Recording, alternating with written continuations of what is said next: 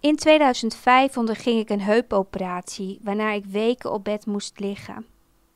Ik vond het een pittige periode, ook omdat we drie jonge kinderen op dat moment hadden.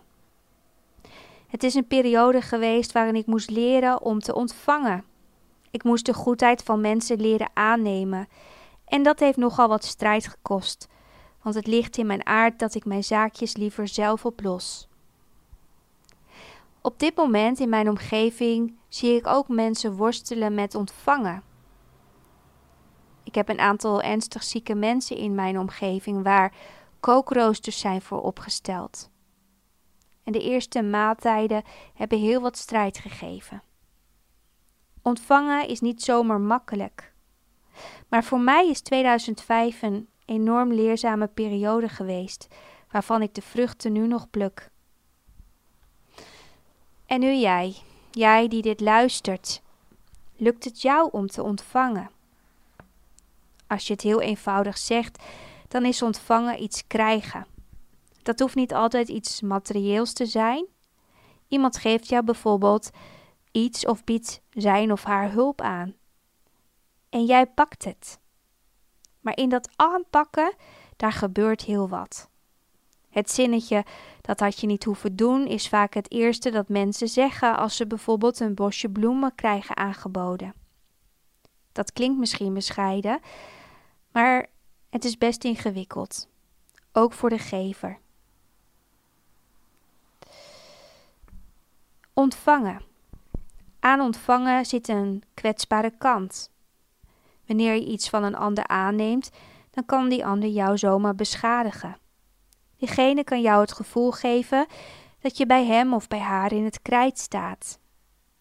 En daarom, broers en zussen, zit aan ontvangen een kant van overgave. Kan die ander werkelijk geven zonder dat je iets terug hoeft te doen, zonder dat jij het idee hebt dat je verplichtingen hebt ten aanzien van de gever. Ontvangen. Om iets van harte aan te kunnen nemen, is het fijn wanneer je de gever kent. Want dan kun je hem of haar makkelijker vertrouwen. Of je kan bedanken. Van joh, ik hoef het niet. God wil je ook elke dag wat geven. En daarom is het zo nodig dat je Hem leert kennen, zodat je weet dat Hij te vertrouwen is. Een christen moet leren om op een juiste manier te ontvangen. En dat vraagt oefening. Allereerst mag je oefenen met het ontvangen van Gods genade voor jou. In Marcus 10, vers 15 zegt Jezus dat we het koninkrijk van God alleen kunnen binnengaan door het te ontvangen als een kind. Het is een prachtig beeld, want bedenk eens hoe een onbevangen jong kind een cadeau uitpakt. Allereerst kijkt hij verrukt naar het cadeautje en daarna kan hij niet wachten om het cadeautje uit te pakken. Als het in de smaak valt, dan zullen zijn ogen gaan glimmen wanneer het papier eraf is gehaald. En zet zijn hart wagenwijd open voor dat moment van ontvangen. Broers, zussen, ontvangen, het is iets ingewikkelds. Maar het is mooi wanneer je oefent in het ontvangen. Je mag gaan leren ontvangen met een open hart. En weet dat God te vertrouwen is.